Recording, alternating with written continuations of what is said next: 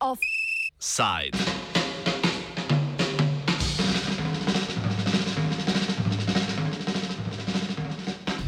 Krepko nagnjena vaser vaga.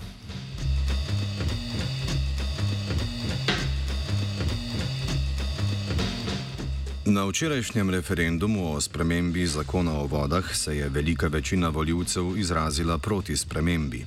Udeležba je po trenutnih podatkih znašala 46,15 odstotka volilnih upravičencev, kar znaša približno 780 tisoč glasov, od teh pa je bilo proti spremembi zakona dobrih 86 odstotkov oziroma 677 tisoč ljudi.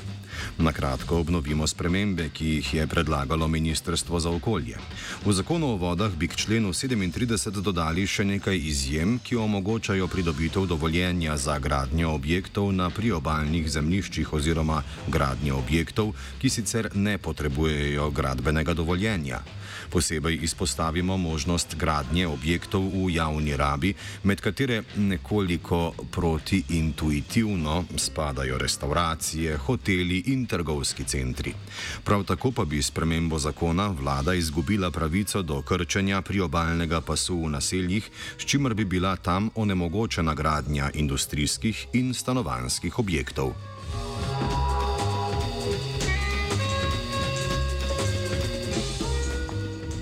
Ne gre pa spregledati, da je včerajšnji rezultat poleg nasprotovanja zakonu tudi izraz nasprotovanja vladi, komentira Gorast Kovačič z filozofske fakultete.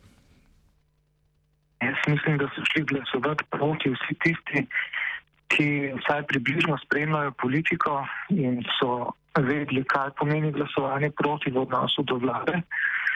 Uh, in teh ljudi, ki so Janši vladi zamerili njeno početje v zadnjem dobrem letu, uh, zlasti histerično in popolnoma neučinkovito upravljanje epidemije in izživljanje nad ljudmi z nekim spreminjanjem ukrepov in z nesorazmerno represijo in poskusi zapiranja protestov in tako naprej. Vseh teh ljudi, ki, ki imajo neke določene zamere do te vlade, cel kup.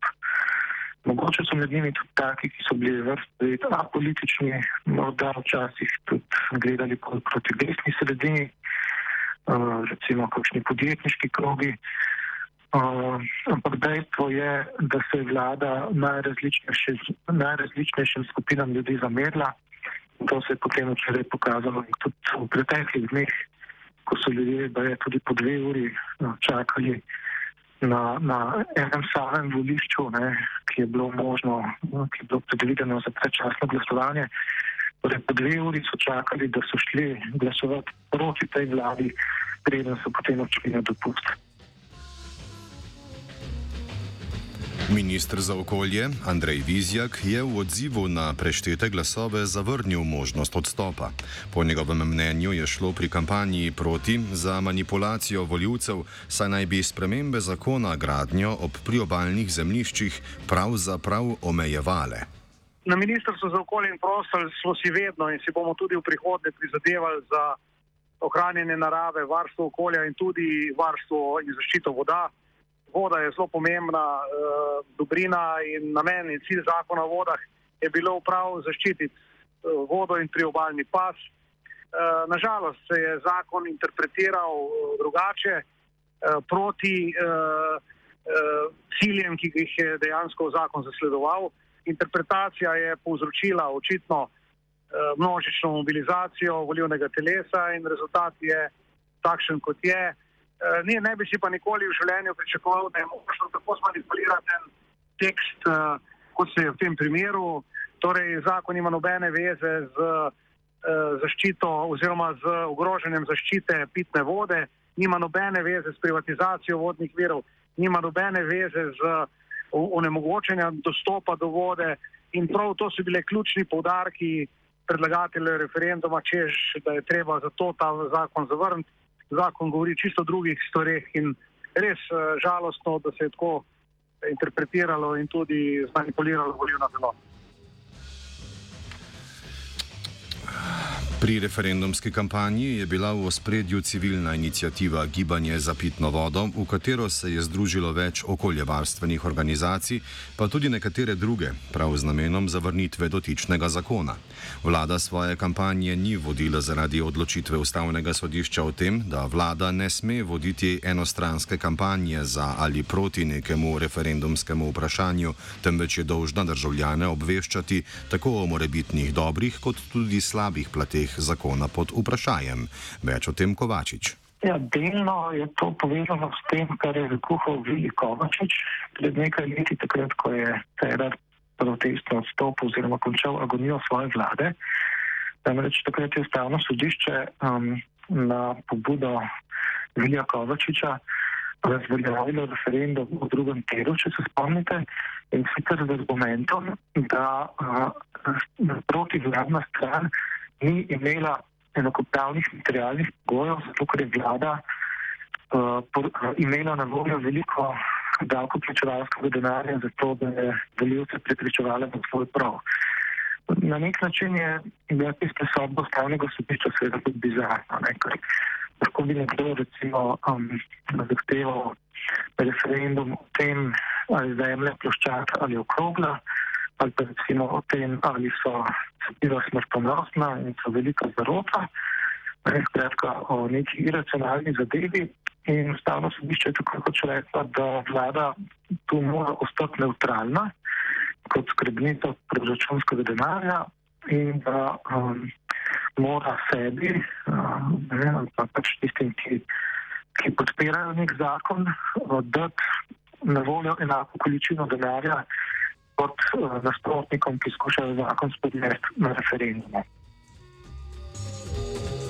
O sami organizaciji kampanje, ki je v veliki meri vključevala terensko delo prostovoljcev, več pove Alenka Kreč-Bricel z društva Smet Umet, ki je bilo prav tako povezano v gibanje za pitno vodo. Kampanja se je začela tako, da smo uh, začeli o referendumu razmišljati um, že um, preden je bil ta. Uh, grozen zakon sprejet. Uh, pobudo za to sta dala Ekokrog in inicijativa danes. Potem smo se pridružili še ostale organizacije, okoljske pa tudi neokoljske, uh, na čelu z inštitutom 8. marca, ki je res pač prstopil tukaj z nekim know-howom, ki ga je imel odprej že. Uh, in ki je bil nepogrešljiv uh, za ta um, za strukturo te kampanje. Tako da uh, potem pa smo uh, šli na teren, aktivirali ljudi uh, po lokalnih okoljih, jih prosili najprej, da stojijo pred upravnimi enotami, da agitirajo za, za to, da se podpisuje in potem v naslednji fazi. To, da je res pač vsak s, z medijem svojega telesa delal na tem, da uh, je ta kampanja rasla in se razvijala, zaradi tega, ker to je v resnici vse, kar smo imeli. Ljudje, ki so pripravljeni se postaviti uh, zase in za prihodnost. Vlada ali bolje vladne stranke so najbrž upale, da se referenduma ne bo udeležilo dovolj voljivcev za doseg potrebnega kvoruma. Pogoj za to, da zakon pade, je namreč vsaj približno 340 tisoč glasov proti. Bodi si namenoma, bodi si po pomoti, je bila volilna pravica skoraj da oduzeta oskrbovancem v domovih za starejše občane, krajše DSO, ki bi želeli glasovati po pošti. Ministrstvo za delo je namreč v DSO je poslalo navodila za to vrstno glasovanje zgolj 12 ur pred iztekom roka za oddajo glasov. V pomoč starejšim so se odzvali taksisti s prostovoljnim prevažanjem oskrbovancev v DSO in starejših invalidov na volišča. Več o tem Janko Belopavlovič, podpredsednik sindikata taksistov pri sindikatu delavcev prometa in zvez. Mi smo izvajali to v bistvu po celi Sloveniji, ne samo v Ljubljani. In iz cele Slovenije je, je tukaj sodelovalo, se pravi, skoraj 500 taksistov, pa, pa, pa še 130 uh, prostovoljcev se je, se je samih torej, ponudilo, da, da nam taksistom pomagajo, če mi ne bi zmogli sami vse voziti. Zdaj številke grejo tako, no, v Ljubljani, v Ljubljani smo jih uh, prepeljali dobrih 200 starostnikov, ne, oziroma kar 250, ima mogoče tudi kakšnega več. Ne. v Mariboru so jih 150, uh, tako da se pravi tam zdaj vse skupaj, no, Koper, Kranj, pa, pa cele, a ne, je bilo pa tudi vse skupaj okrog 100 starostnikov. No. Tako da eto, to je ta neka številka, se pravi vse skupaj nekje 500 starostnikov, dobrih 500 smo jih prepeljali. Zdaj moram reči, da tudi. Uh, Nismo mi vozili samo iz domov, ne? ker ko se pač eh, zvedelo za ta akcija, so nas eh, v glavnem invalidi, ki pač pa so doma, ne? Eh, pa so nas klicali, če bi pač vseeno lahko tudi za njih poskrbeli in to, da smo tudi za njih poskrbeli, tako da smo tudi na domače naslove hodili. Poleg birokratskih ovir so nekatere voljivce, tako pravi Belopavlovič, presenetile tudi fizične kar ste prej omenili, če so bile kakšne birokratske ovire. Ne, birokratskih ovir ni bilo nobenih, bile so pa ravno te ovire za invalide ne, na voliščah. Ne. Konkretno lahko povem, recimo osnovna šola Nove Arše na Klevelandski ulici. Je, vem, tam tisti količek uh, zaklenjen, bi ga, bi ga saj za, dan, za tisti dan spustili, da se lahko pride z invalidskim vozičkom. Ne. Pa se ni dalo, tako da je gospa mogla ostati, pa se je nas voziček prenesel, pa se je medtem držala tam stebra in tako naprej. Ne. To so, bom rekel, večje ovire bile. Na prvi pogled se mogoče zdi presenetljivo, da je predsednik države Borut Pahor dozdevno prekinil svojo tradicijo prikimavanja idejam SDS in tokrat glasoval proti. A po drugi strani se je Pahor izrazil šele v nedeljo, ko je bilo že malo da nejasno, v katero smer je nagnjena Vaser Vaga. Več o tem Kovačič. Pahor ima nekako dva motiva, ne, na splošno govorim. Stvar je ta, da je on intimno pripričan resničar uh, in to potem zapakira v spravaštvo. Češ s fašisti moramo zakopati bojno sekiro, treba ne popuščati, da se prepreči državljansko vojno in tako naprej. Druga stvar pa ta, da je Pahor populist.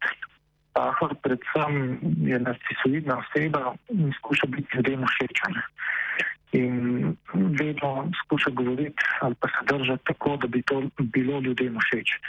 In to je on preprosto ugotovil, da bo ta referendum uh, uspel, da bo stran proti uh, očitno uspela mobilizirati dovolj ljudi za kvorum. To so kazali že rezultati uh, predčasnega glasovanja. In uh, on je preprosto stopil uh, v zadnjem trenutku, oziroma takoj po koncu bitke stopil na znogovito stran in pristavil zavček za to, da bi ohranil pač neko všečnost in populizem. Če bi on iskreno mislil ne, uh, s tem, da je ta zakon slab in da treba glasovati proti njemu, bi se pač moral oglasiti pred volitvami. Udeležba na referendumu je bila retrospektivno precej visoka. Na zadnje se je toliko oziroma več ljudi referenduma udeležilo leta 2007, ko so se državljani odločali o lastninskem preoblikovanju zavarovalnic, še predtem pa leta 2003, ko je bila na mizi odločitev o vstopu v Evropsko unijo in Zvezo NATO. Za vstop v NATO je takrat glasovalo približno 637 tisoč ljudi, torej približno 40 tisoč manj, kot jih je nasprotovalo nasprotovalo spremembi zakona o vodah. Omenimo še, da je proti zakonu o vodah glasovalo več ljudi, kot jih je na zadnjih državno-zborskih volitvah podprlo pet največjih parlamentarnih strank skupaj, torej tudi več, kot jih je podprlo stranke trenutne vlade in skoraj dvakrat toliko, kot jih je na predsedniških volitvah istega leta podprlo trenutnega predsednika mm, države.